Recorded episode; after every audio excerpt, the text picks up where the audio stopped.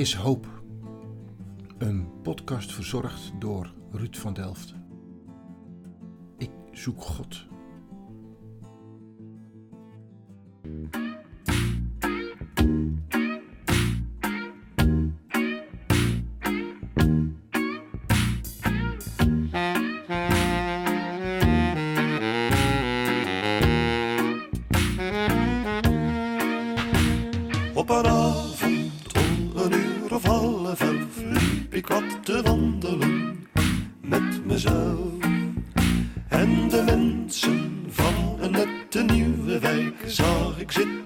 Huis aan huis aan huis aan huis te kijken. Uitgeteld en uitgezakt en uitgepraat en ik dacht als nu de wereld is vergaan. Is er niemand die het in de gaten heeft? Want ze zitten aan de beeldbuis vastgekleefd. Televisie Zijn stem zul je vast herkennen. Het is Herman van Veen en de opname is uit 1987. Lang geleden, maar het lijkt actueler dan ooit. Wat is het toch dat we meemaken in ons land? Het kijken naar de tv is meer en meer een bezigheid geworden. Ik, ik herinner me nog dat we langs de snelweg zaten met koffie en broodjes om te kijken naar de andere helft van de Nederlanders die voorbij reed. Dat is lang geleden. Maar het kijken naar de andere helft van Nederlanders hebben we ingeruild door te kijken naar het venster in de woonkamer. De hele inrichting is gericht op dat venster. En we ervaren dat als iets waar we blijkbaar, na een dag hard werken achter een beeldscherm, in de avond hard nodig hebben. Waar we recht op hebben. Wat is de vrijheid die we beleven door te kijken naar de belevenissen van bekende Nederlanders? Of moet ik het niet zo strak neerzetten? Ik merk dat ik daardoor in tweestrijd kom. Wat ik zie is iets anders dan wat ik krijg. Het lijkt een langzaam naar binnen sluipende hypnose. En als het dan misgaat, zoals we de laatste tijd beleven, staat heel Nederland op de kop. Het rechtvaardigheidsgevoel wordt opgeroepen.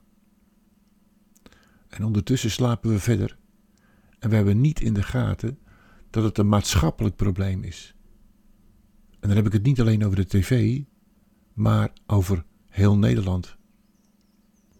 En stilletjes sluipt het in slapen brengende medium ons weer tot rust. En met de mededeling dat het ook weer goed kan komen. En steeds verder zakken we weg, zo lijkt. Laat ik het zo stellen. Als we een pan water op het vuur zetten en het al flink heet is en we gooien er een kikker in, zal dat beest er alles aan doen om uit die pan te springen.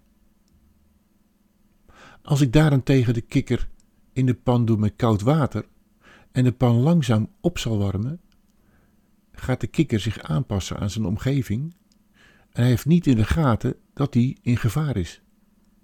Langzaam maar zeker zal het beestje stuk koken. Dat noemen we het boiling frog syndroom. Overigens blijkt het niet helemaal op te gaan met die kikker, maar wel met mensen die in een gewelddadige omstandigheid zitten. Situaties op de werkvloer en noem maar op. Mensen zijn te lang bereid om te blijven zitten en accepteren het geweld wat over hen komt als acceptabel, want ja, anders verlies ik mijn promotie. Of erger, mijn baan. Het lijkt in eerste instantie niet op mijn beschouwing als het gaat om de wereld om ons heen, maar ik wil er toch een keertje over praten. Laten we eens naar de recente geschiedenis kijken. De laatste keer dat we aan de lijve hebben ondervonden dat we tekorten hadden, was na de Tweede Wereldoorlog. We misten werkelijk alles waar de basisbehoefte voor stond: kleding, voedsel en onderdak. En mede door onder andere de Marshallhulp en andere initiatieven kwam het weer goed op gang en zeker de generatie die voor ons die onmogelijke klus heeft gedaan, ze waren bereid om Nederland weer op te bouwen. Er werd niet gepraat en heel hard gewerkt. Laten we zeggen dat we rond de jaren 60 al een heel eind op weg waren. Zeg maar, de eerste levensbehoeften waren daar. We hadden huizen, we konden ons kleden en we hadden eten. Je zou kunnen zeggen: klaar. En misschien hadden we toen om de tafel moeten gaan zitten om na te denken wat de volgende doelen waren. Maar dat hebben we niet gedaan. We zijn op de oude doelen gaan doorbouwen.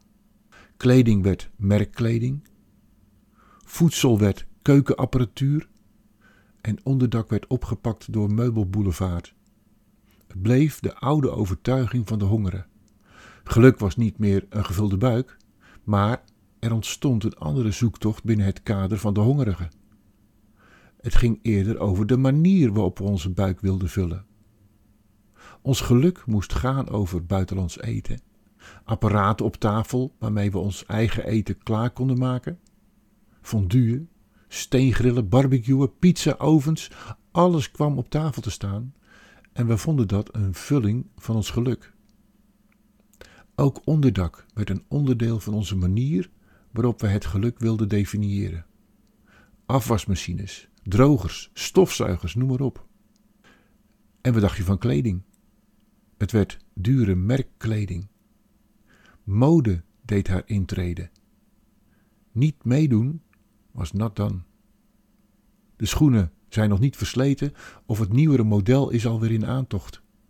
Broek kopen? Laten we meerdere maten bestellen en een chauffeur is de volgende dag al voor de deur. De overige broeken, de niet passende dus, kunnen we later weer gratis terugsturen. En ja hoor, er staat de chauffeur alweer voor de deur. Bij bol.com wordt soms feestkleding gekocht en de dag na het feest geretourneerd omdat het toch niet beviel. Wel de bewuste avond dragen, maar toch weer terug. Of de tandenborstel, ook zoiets. Die is elektrisch geworden, omdat we daar recht op vinden te hebben. En vanwege de hygiëne moeten we niet te lang met dat ding doen. We hebben alles tot hoog boven het niveau van de behoeftigen uitgetild. Geluk werd vervangen door koopkracht. Als we meteen naar de hongerwinter waren doorgestapt, naar nu, dan hadden we ons rot geschrokken. Net als die kikker.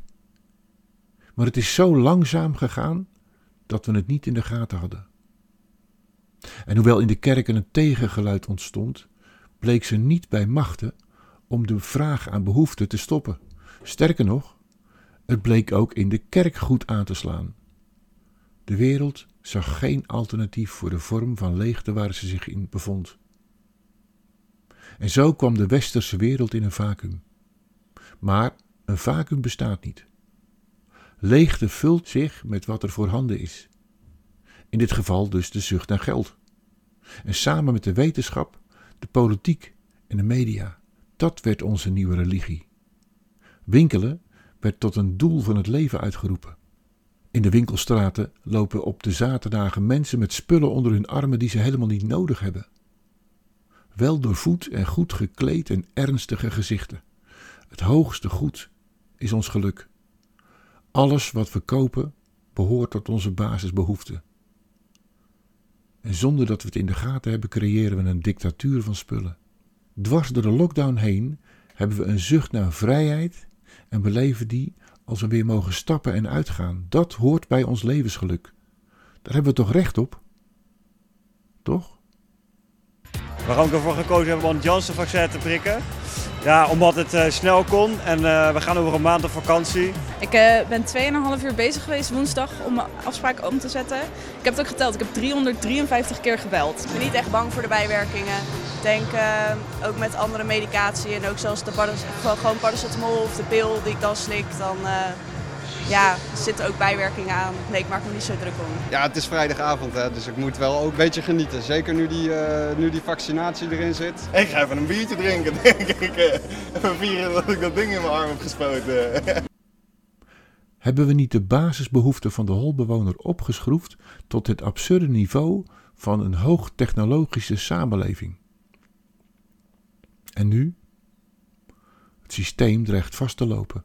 En de vraag die we opnieuw moeten stellen, heeft te maken met de definiëring van geluk. Het heeft niets te maken met spullen, met alcohol, seks, kopen of gokken. Achter deze zaken schuilt te veel de economie. We worden te veel beheerst door de bedrijven en de economische krachten erachter. We hebben een verantwoording om de aarde op een betere manier achter te laten aan de volgende generatie.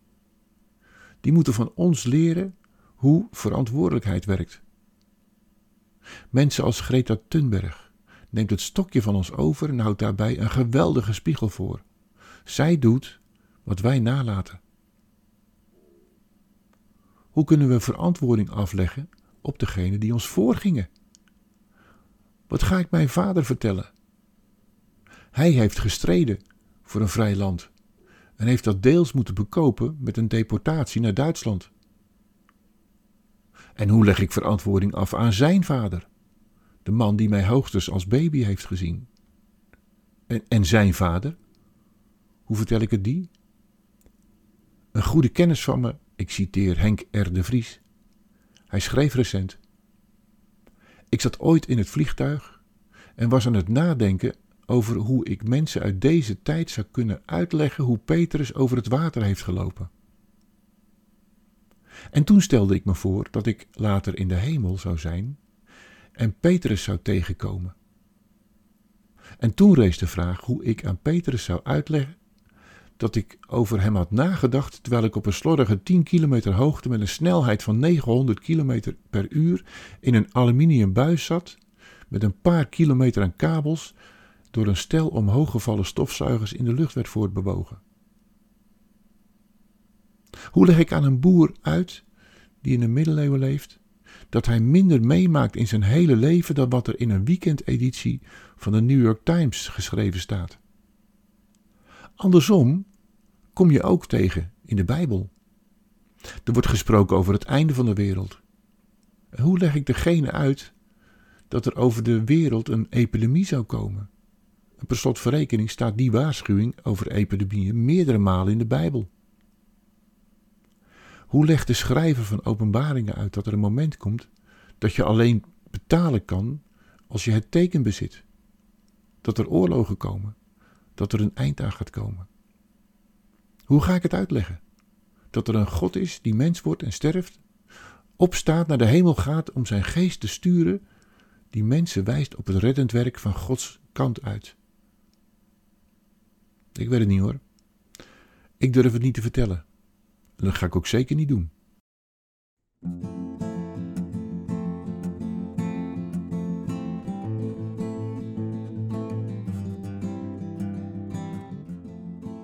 God zoeken is een podcast die ik maak om met mensen in gesprek te komen over God.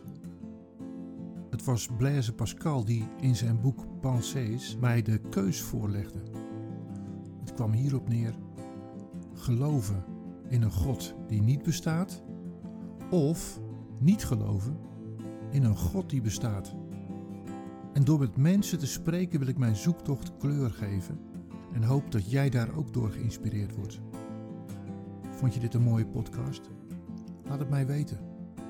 Of geef een ranking. Misschien heb je een tip of weet je iemand die ik zou kunnen interviewen. Laat vooral een reactie achter. Of je kunt mij mailen. Ruud van Delft